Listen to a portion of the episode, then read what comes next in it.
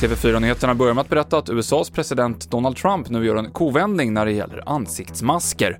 På sin senaste presskonferens sa Trump att även om man inte gillar det så ska man bära mask om det inte är möjligt med fysisk distansering. Tidigare har Trump sagt att det är frivilligt att ha munskydd och att han själv inte tänker ha det. Förra året så dog 36 personer på jobbet, visar Arbetsmiljöverkets senaste rapport. Och när det gäller skador och olyckor så är truckförare mest utsatta.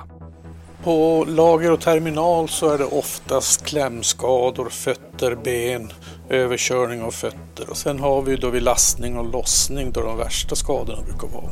Lasten kan tippa över om man inte är försiktig. Det sa Dick Sundberg på Transportfackens yrkes och arbetsmiljönämnd.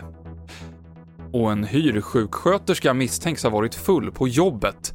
BLT skriver att sköterskan på sjukhuset i Kalmar var påtagligt berusad, gick in till covid-patienter utan skyddsutrustning och betedde sig oproffsigt, enligt en patient. Det här står i anmälan till Inspektionen för vård och omsorg.